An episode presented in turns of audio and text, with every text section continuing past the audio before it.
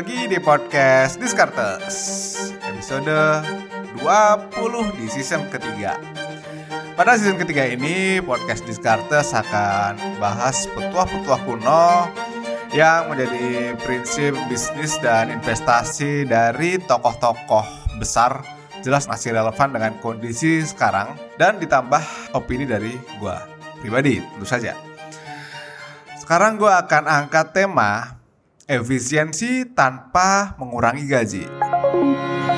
Kok bisa kayak gitu? Yaps, tema kita kali ini akan menyinggung bisnis yang pernah dilakukan oleh salah satu orang terkaya pada zamannya.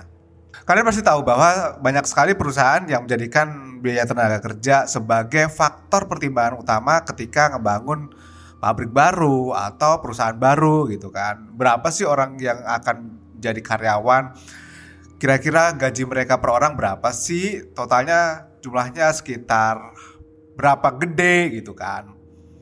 Karena umumnya perusahaan itu pasti nganggep ya semakin murah gaji, semakin murah upahnya, maka potensi untuk meraup profit cuan bisa lebih gede buat pengusaha atau perusahaannya. Karena memang biaya tenaga kerja di dalam OPEX itu kontribusinya rata-rata besar dalam setiap biaya produksi gitu. Terutama kalau perusahaannya melakukan produksi yang massal. Kenapa demikian? Ya karena buat menghasilkan produk yang banyak plus keuntungan yang berlipat, perusahaan harus bisa efisien gitu. Nggak bisa dipungkiri kalau semakin banyak karyawan dan tenaga kerja semakin gede biaya. Tadi udah gue ceritain secara sekilas. Nah, padahal ketika kita jual barang, harga jual sebuah produk itu menjadi daya tarik buat mendatangkan pembeli. Makanya ketika mulai bisnis, rata-rata orang juga berpikir bahwa semakin murah produk, maka daya saingnya bisa meningkat, ya kan? Ya karena penjualan bakal naik, keuntungan berlipat gitu. Kita bisa melihat benang merahnya. Ada karyawan yang harus dibayar, ada harga jual menentukan bagaimana orang mau beli gitu. Artinya, jika biaya tenaga kerjanya tinggi, maka akan susah menurunkan harga jual. Nah, ini dilema ya kan. Padahal kenyataannya nggak kayak gitu. SDM murah bukan rumus tunggal untuk menciptakan barang murah. Dan ini dibuktikan oleh Ford Motor Company, salah satu pabrikan mobil paling tua di dunia. Henry Ford ini kita cerita tentang beliau, pendiri perusahaan otomotif uh, Ford Company, bilang bahwa efisiensi itu penting, tetapi bukan dengan membayar murah pegawainya. Kata dia, perusahaan harus melakukan efisiensi tetapi tidak mengorbankan pegawai.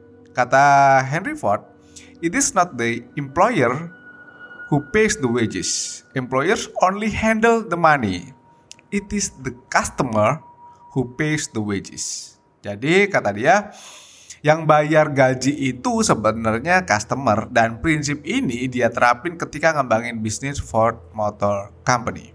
Jadi pada tahun 1913 ini perusahaan mulai produksi nih mobil model T secara massal.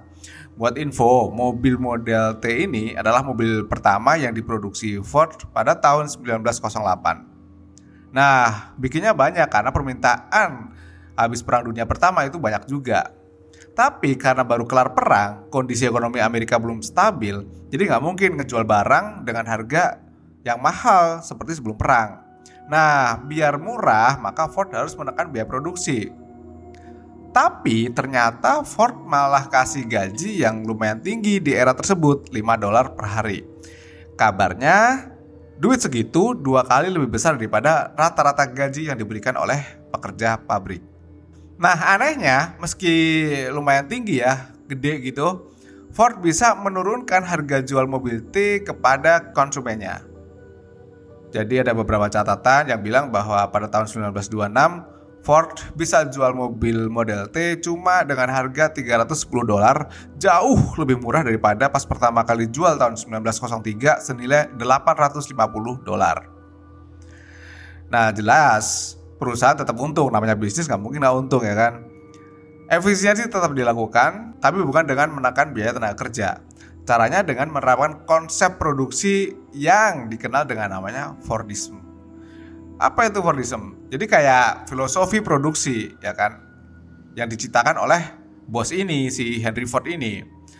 Ada tiga prinsip yang harus dipenuhi dalam ngejalanin sistem ini yaitu yang pertama adalah standarisasi produk. Jadi biar produk memiliki kualitas yang sama, Ford menetapkan standar tertentu. Udah disetting nih untuk setiap mobil yang diproduksinya.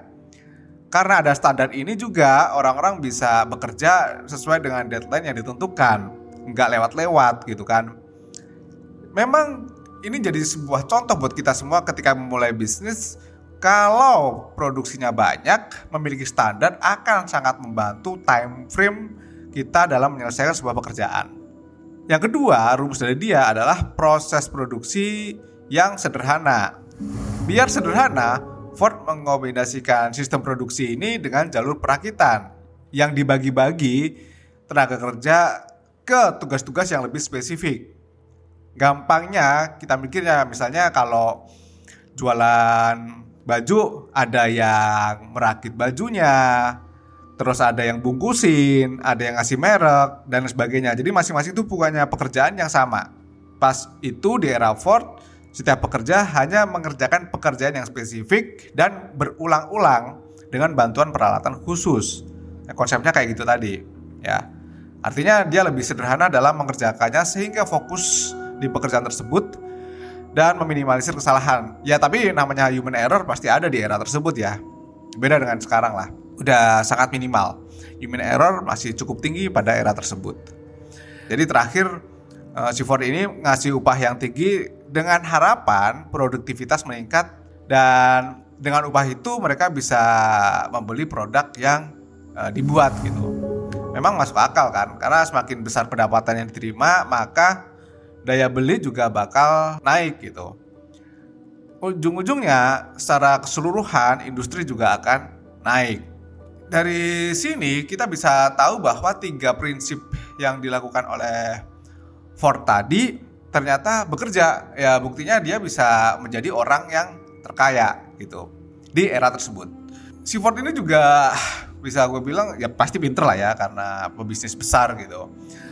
Selain melakukan efisiensi, ngubah proses produksi, terus upah yang tinggi, Ford itu juga ngembangin konsep waralaba dealer buat neken biaya gitu. Jadi ceritanya tahun 1914 Ford menawarkan konsep waralaba ke dealer-dealer yang ngejualin kendaraan Ford berupa layanan perbaikan, suku cadang, aksesoris dan macam-macam.